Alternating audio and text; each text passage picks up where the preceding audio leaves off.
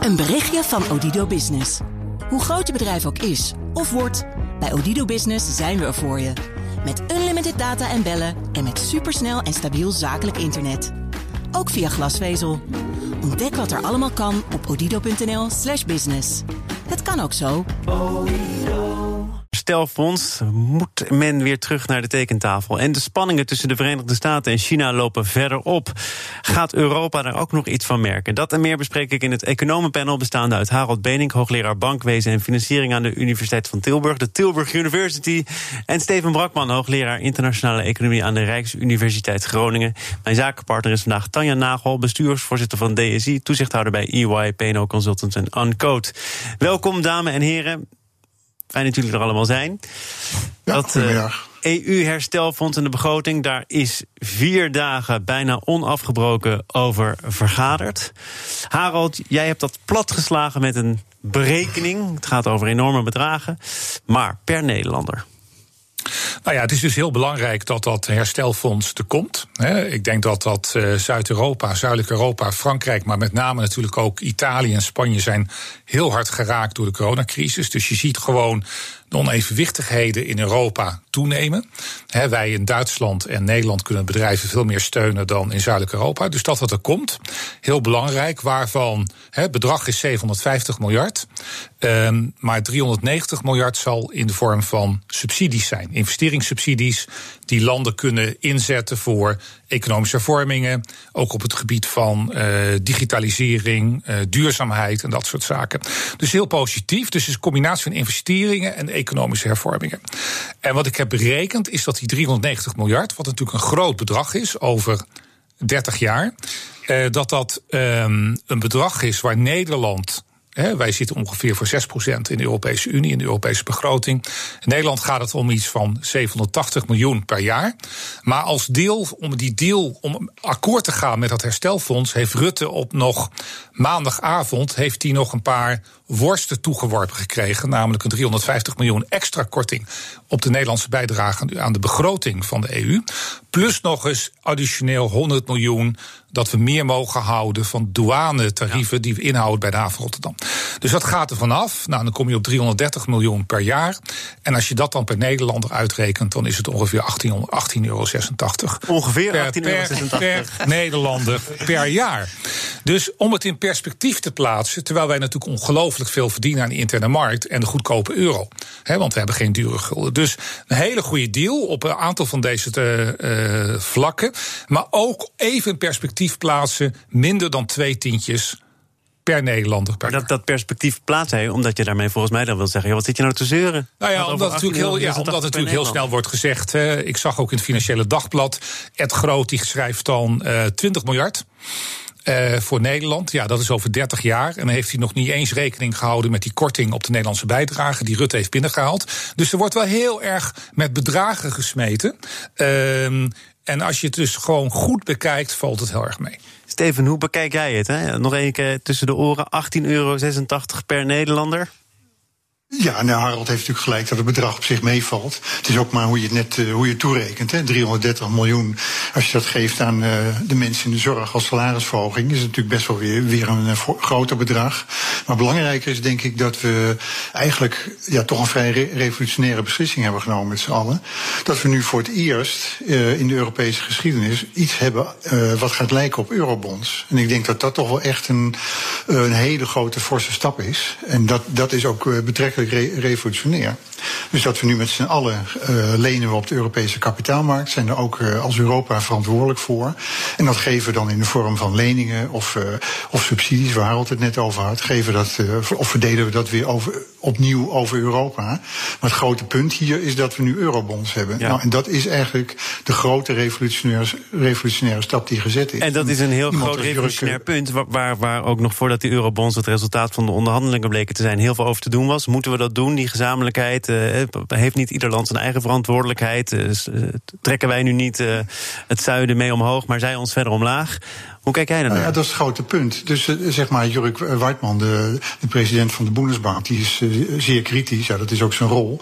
Maar hij is dus bang dat we eigenlijk deze weg opgeslagen zijn en ook niet meer vanaf, niet, niet meer vanaf komen.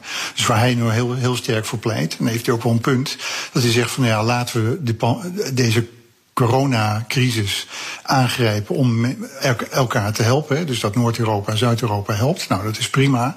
Maar laten we het ook vooral tijdelijk maken. Dus dat we die weg van de eurobonds niet inslaan. Denk je Daar dat dat zijn kan? veel mensen. Ik, ik, ik denk niet dat het kan. Volgens mij hebben we de, zijn we deze weg ingeslagen en ik, volgens mij komen we er ook niet meer vanaf.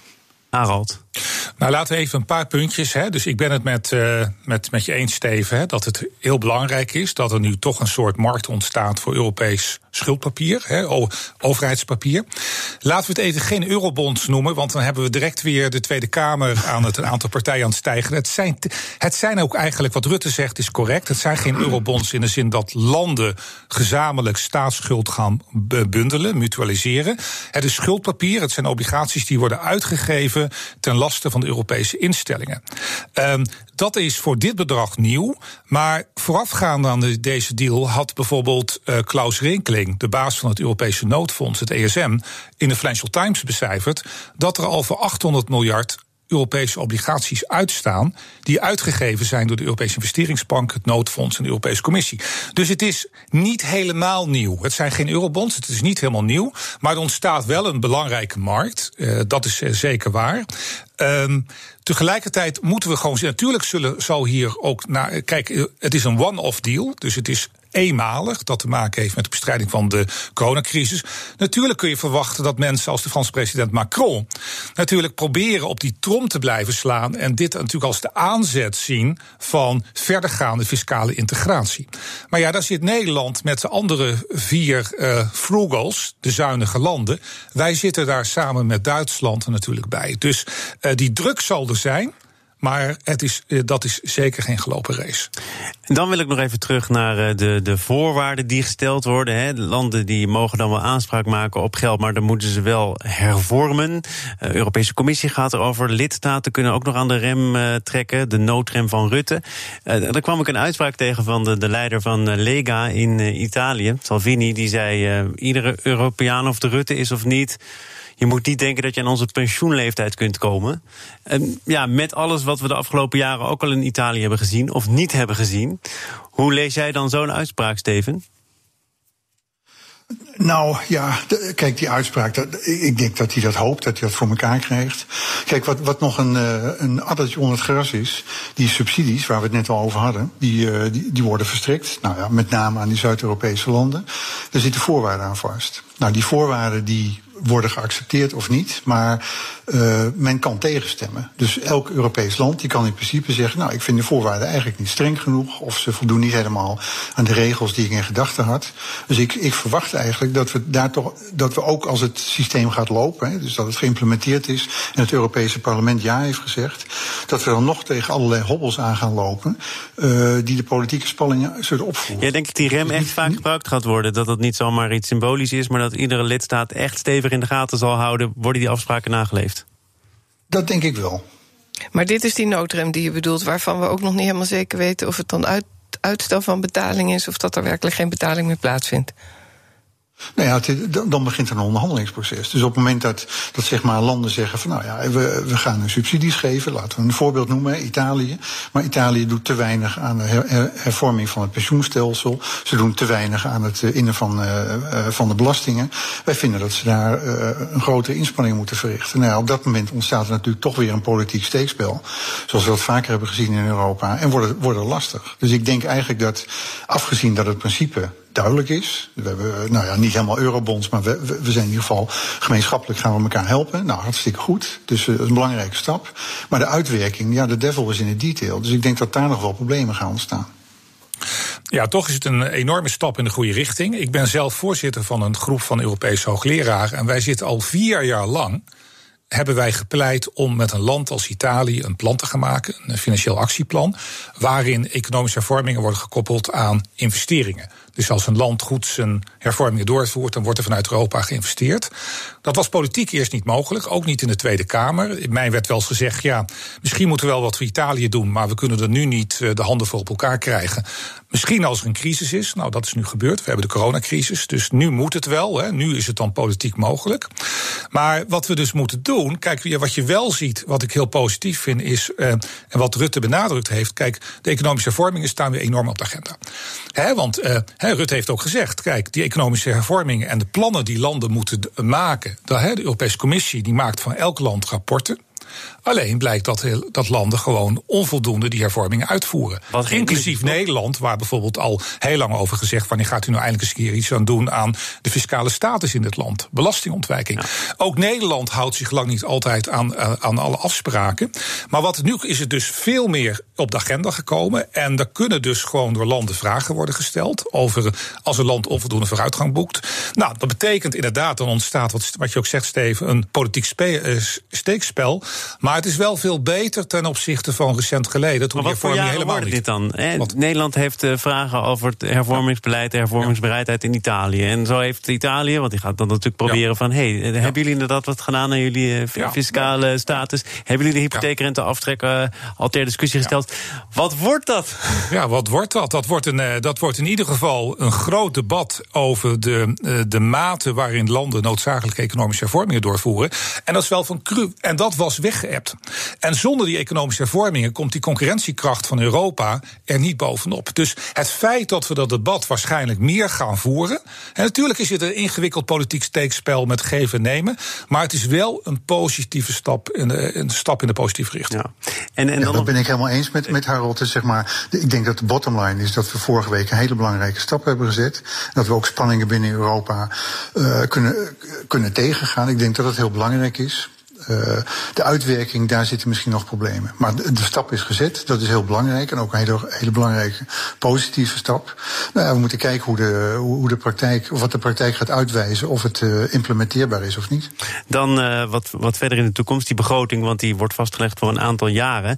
Rutte, Nederland, niet alleen Rutte, hebben langere tijd gepleit voor modernisering. Het zou meer moeten gaan over klimaat, meer over veiligheid, migratie, wetenschap, R&D was ook belangrijk.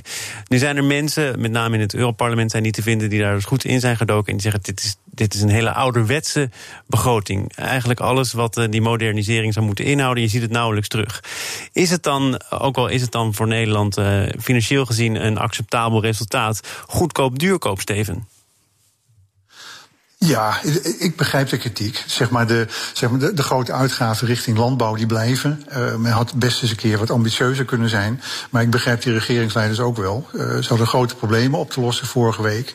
Ja, je kunt niet alles tegelijk doen. Dus ik kan me voorstellen dat het Europese parlement nog voor elkaar krijgt dat er verschuivingen plaatsvinden. Maar ja, uh, first things first. Dus laten we eerst die, dat coronaprobleem oplossen. En dan, dan nog eens naar die begroting kijken. Ik vind wel dat ze gelijk hebben. Dus de, de opmerkingen dat het de ouderwetse begroting is, daar ben ik het mee eens. Maar ik begrijp die regeringsleiders wel dat ze denken, ja, we, we hebben dagen zitten vergaderen. Dus laten we eerst maar eens kijken of we hier uitkomen. Nou ja, wat, misschien is Nederland wel uh, het slachtoffer geworden van misschien een te succesvolle onderhandelingsstrategie. Tenminste, als je puur naar de centen kijkt. He, zoals ik zei vorige week maandagavond in het slotvoorstel van uh, Charles Michel, de voorzitter van de Europese Raad van Regeringsleiders. He, men moest natuurlijk Nederland en Oostenrijk meekrijgen. De luidruchtige frugals. Uh, die hebben dus Nederland, heeft op het laatste moment 450 miljoen per jaar gekregen, maal 7 is 3 miljard euro per jaar. Heeft Rutte eruit gehaald. Maar in, op basis daarvan zijn ook weer op een aantal uitgavenposten is er geschrapt. Waaronder ook op het gebied van de kenniseconomie, wetenschappelijk onderzoek, uh, duurzaamheid. En dus daarmee snijden we ook onszelf in ons eigen vlees. Pieter Duisenberg, de voorzitter van de Vereniging van Samenwerkende Nederlandse Universiteiten, heeft ook gezegd: ja, jongens, nu krijgen Nederlandse wetenschappers die heel succesvol zijn in het binnenhalen van Europese subsidies voor onderzoek, die worden hierdoor, uh, is dadelijk 100 miljoen, 100 miljoen per jaar minder beschikbaar. Dus, dus enerzijds winnen we, maar anderzijds gaan we natuurlijk ook hierdoor verliezen. Maar Steven zegt het volstrekt begrijpelijk. Hè? Corona overheerst nu alles, daar moet een akkoord komen. En uh, ook al zegt Steven, eh, ze hebben gelijk, hè, de critici, dit moet nu even gebeuren. Jazeker, maar op het moment dat je dan toch in bepaalde uitgaven gaat schrappen, dan zie je dat het heel moeilijk is om op die traditionele landbouuitgaven te schrappen. Hè. Er wordt ook wel eens gezegd, uh, Frankrijk en ook de Franse president Macron is, is pro-Europees. Maar als het gaat om de landbouwsubsidies van de Franse boeren, is die minder pro-Europees. Ja, in de zin dat die uh, niet gekort mogen worden. Dus we hebben misschien te veel. Uh, geld weggehaald, bezuinigd op posten van de kenniseconomie, van onderzoek en dergelijke. Nou, en wellicht kan het Europese parlement daar ook nog wel wat herschikken binnen die Europese begroting. Zaken doen. Het woord is aan het economenpanel en daarin zit vandaag Harald Benink, Steven Brakman en mijn zakenpartner is Tanja Nagel. En ik wil het met jullie hebben over de spanningen tussen de Verenigde Staten en China. Die lopen verder op. Er wordt gezegd dat wat als een handelsoorlog begon inmiddels is uitgegroeid tot een diplomatiek en technologisch conflict. De Amerikaanse minister van Buitenlandse Zaken Pompeo heeft al verwezen naar de Koude Oorlog. Steven Brakman, gaan wij een nieuwe fase in? Uh, nou, ik denk de fase waarin we al verkeren. De, ja, de, de, voorbeelden die je noemde, dat zijn denk ik aanleidingen om het, uh, die, die het conflict verergeren. We hebben de strijd gehad tussen de Verenigde Staten en China op het gebied van de handel. Uh, de sluiting van de ambassades of consulaten die we, nu, die we nu vandaag zien. Dat zijn allemaal uitingsvormen van, van spanningen tussen die twee landen. Ik denk dat de grote, de, de grote oorzaak van die spanningen eigenlijk veel langer geleden al gezet is. Uh, China wordt een economische grootmacht en die vindt eigenlijk dat ze de status die bij een grootmacht hoort, dat ze die onvoldoende krijgen van de, van de wereldgemeenschap. Dus zij willen eigenlijk erkend worden als grootmacht. Uh, nou, dat betekent een uh, sterkere positie binnen het IMF, een sterkere positie binnen de Wereldbank. Nou, ze willen ook dat hun eigen valuta de, een, een, belangrijke reservevaluta wordt. Daar doen ze, al, doen ze hun best voor die positie die verwerven ze langzaam, ook door, de, door, door, door het gedrag van de Amerikaanse president. Die disqualificeert zichzelf. Nou, China kan in het gat stappen. Maar dit proces is al langere tijd gaande. China wordt een economische grootmacht en wil de status die erbij hoort. Nou, dat irriteert. Dat irriteert in ieder geval de Amerikanen. En die zien dus overal, zien ze eigenlijk uh, ja, voorbeelden van die toegenomen macht van China. Dat gebe gebeurt op het gebied van de techniek. Hè. Huawei, uh, een belangrijk bedrijf, uh, doet veel op de wereldmarkt. Uh, ze zien ook politieke macht toenemen van China. Nou, dat vinden ze vervelend. En dan, eigenlijk willen ze daar tegen ingaan. Dus die voorbeelden die we zien, dat zijn eigenlijk meer uitingsvormen van de irritatie. Uh, dat hoort bij dit veel grotere proces. Dat Amerika de dominante positie op de wereldmarkt aan het verliezen is. In ieder geval de nummer één positie uh, verliezen ze. Dus geen nieuwe fase, wel een hoofdstuk dat steeds langer wordt met steeds meer nieuwe voorbeelden. Harold, is dat ook jouw analyse? Ja, en dat is nog een additioneel element, denk ik. Hè. Dat zijn natuurlijk de presidentsverkiezingen in de Verenigde Staten die Trump wil winnen. Um, hij had eerst gedacht dat hij een soort handelsdeal met China zou kunnen sluiten. Um, en dan zich natuurlijk als de man van de grote deal met China kon profileren. Dat is niet gelukt, omdat natuurlijk door het hele coronaverhaal en het coronavirus wat uit China komt, zijn die spanningen enorm opgelopen. Dus nu lijkt erop dat Trump naar de andere kant neigt, gewoon door te laten escaleren met de Verenigde Staten. Dat hij als hè, China is het land van het virus, hij heeft het ook over het Chinese virus, heeft hij het altijd. Um, um, de handelsfricties, het verhaal van Hongkong natuurlijk. Dus het kan best zijn dat we tot aan de Amerikaanse presidentsverkiezingen dat dit nog uh, verder escalerende spanningen worden. En dan moeten we bezien hoe we dat weer een beetje op een normale voeting kunnen krijgen. Ik, ik vind het een prachtige analyse op politiek-economisch gebied. Maar wat moeten we dan met het feit dat er steeds meer geluiden komen, ook van Nederlandse ondernemers in China, die bedreigd worden, die uh, vluchten omdat er gedreigd wordt met arrestaties en gevangenschap? Hoe, hoe moeten we daar nou mee omgaan? Of moet ik dat niet nou, aan ja, economen moet je, dan moet, Ja, dan, dat is niet typisch een economenvraag. Nee, maar goed, daar moet je tegen protesteren. En als bedrijf heb je natuurlijk last van. Maar ik denk toch, als je het, het, reduceert tot een economisch probleem... dat China, die, ja, die wordt die grootmacht... en dat, dat, dat, ja, dat hindert Amerika. En die presidentsverkiezingen die kunnen dat verergeren. Daar ben ik met, met Harold eens. Je kunt nu verwachten dat de Amerikaanse president... toch richting uh, China allerlei maatregelen gaat nemen... om sterker uit die strijd te komen. Ja, maar, ik denk wel dat Amerika in feite, ja, als je het als strijd wil zien, hè, dat is ook maar de vraag of dat een goede manier is om er tegenaan te kijken. Maar dat uh, Amerika die strijd gaat verliezen. Ah, China is een veel groter land, groeit veel harder dan uh, de rest van de wereld. Dus ja, de nummer één, de economische nummer één van de wereld, zal uiteindelijk toch China worden. En die hebben het probleem van Amerika is waar ze dat... gewoon jarenlang uh, mee doorgaan, in plaats van dat er elke ja. vier jaar weer iemand anders gekozen moet worden met andere ideeën. Ja, maar Nederland. Ja, maar het, probleem is van, van, van China, of tenminste het probleem uh, zoals Amerika tegen China aankijkt. Ze zien het als een soort Olympische Spelen. Je hebt de, de gouden medaille en daarna heb je eigenlijk geen medailles meer. Maar goed, de wereldeconomie is geen strijd. Het is geen pingpongwedstrijd.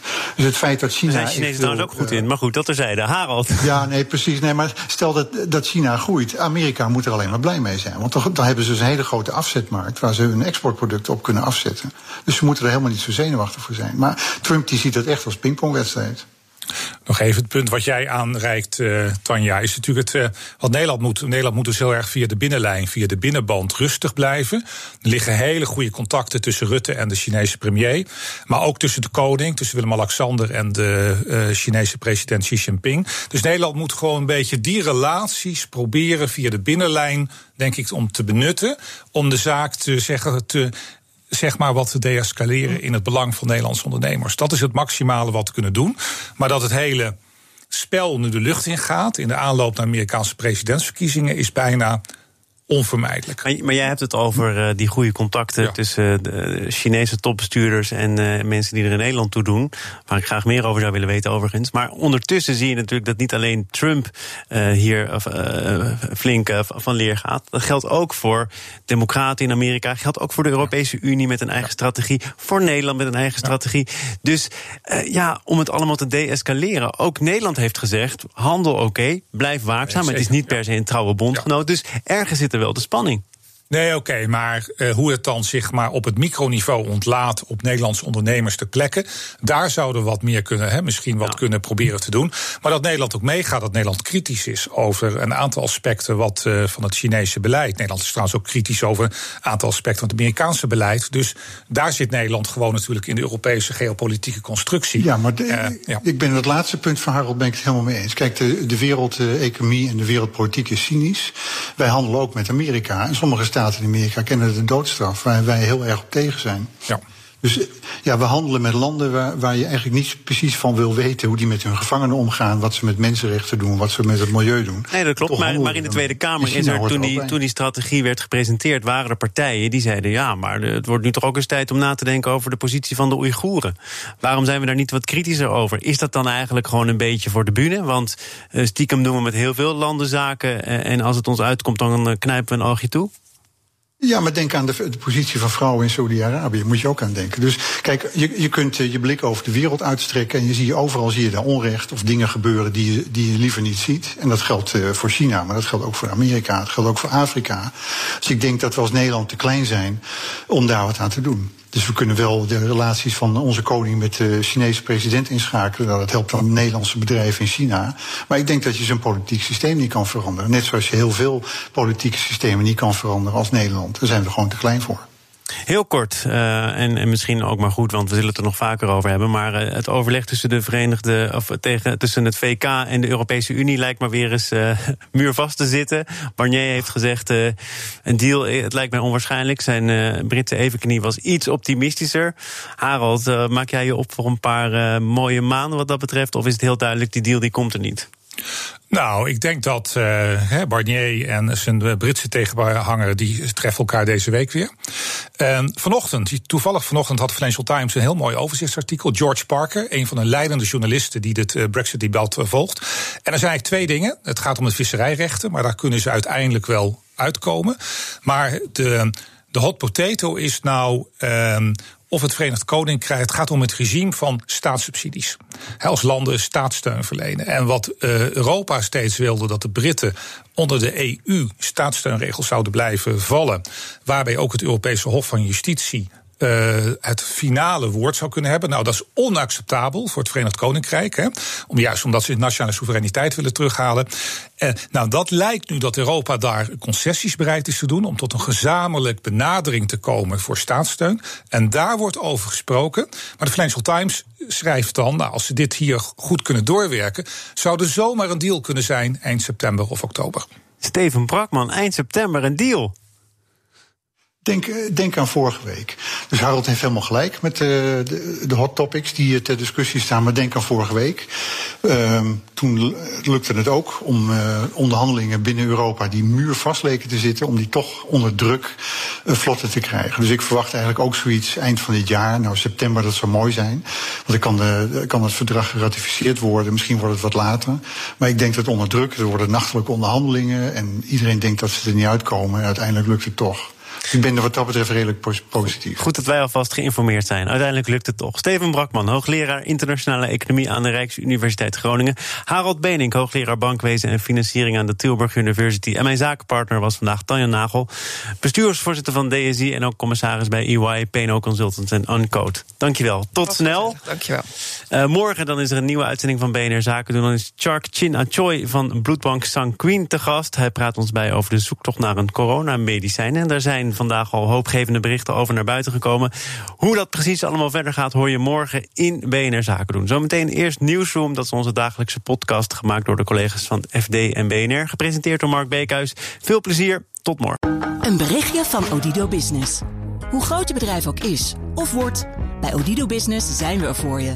Met unlimited data en bellen en met supersnel en stabiel zakelijk internet. Ook via glasvezel. Ontdek wat er allemaal kan op odido.nl/slash business. Het kan ook zo.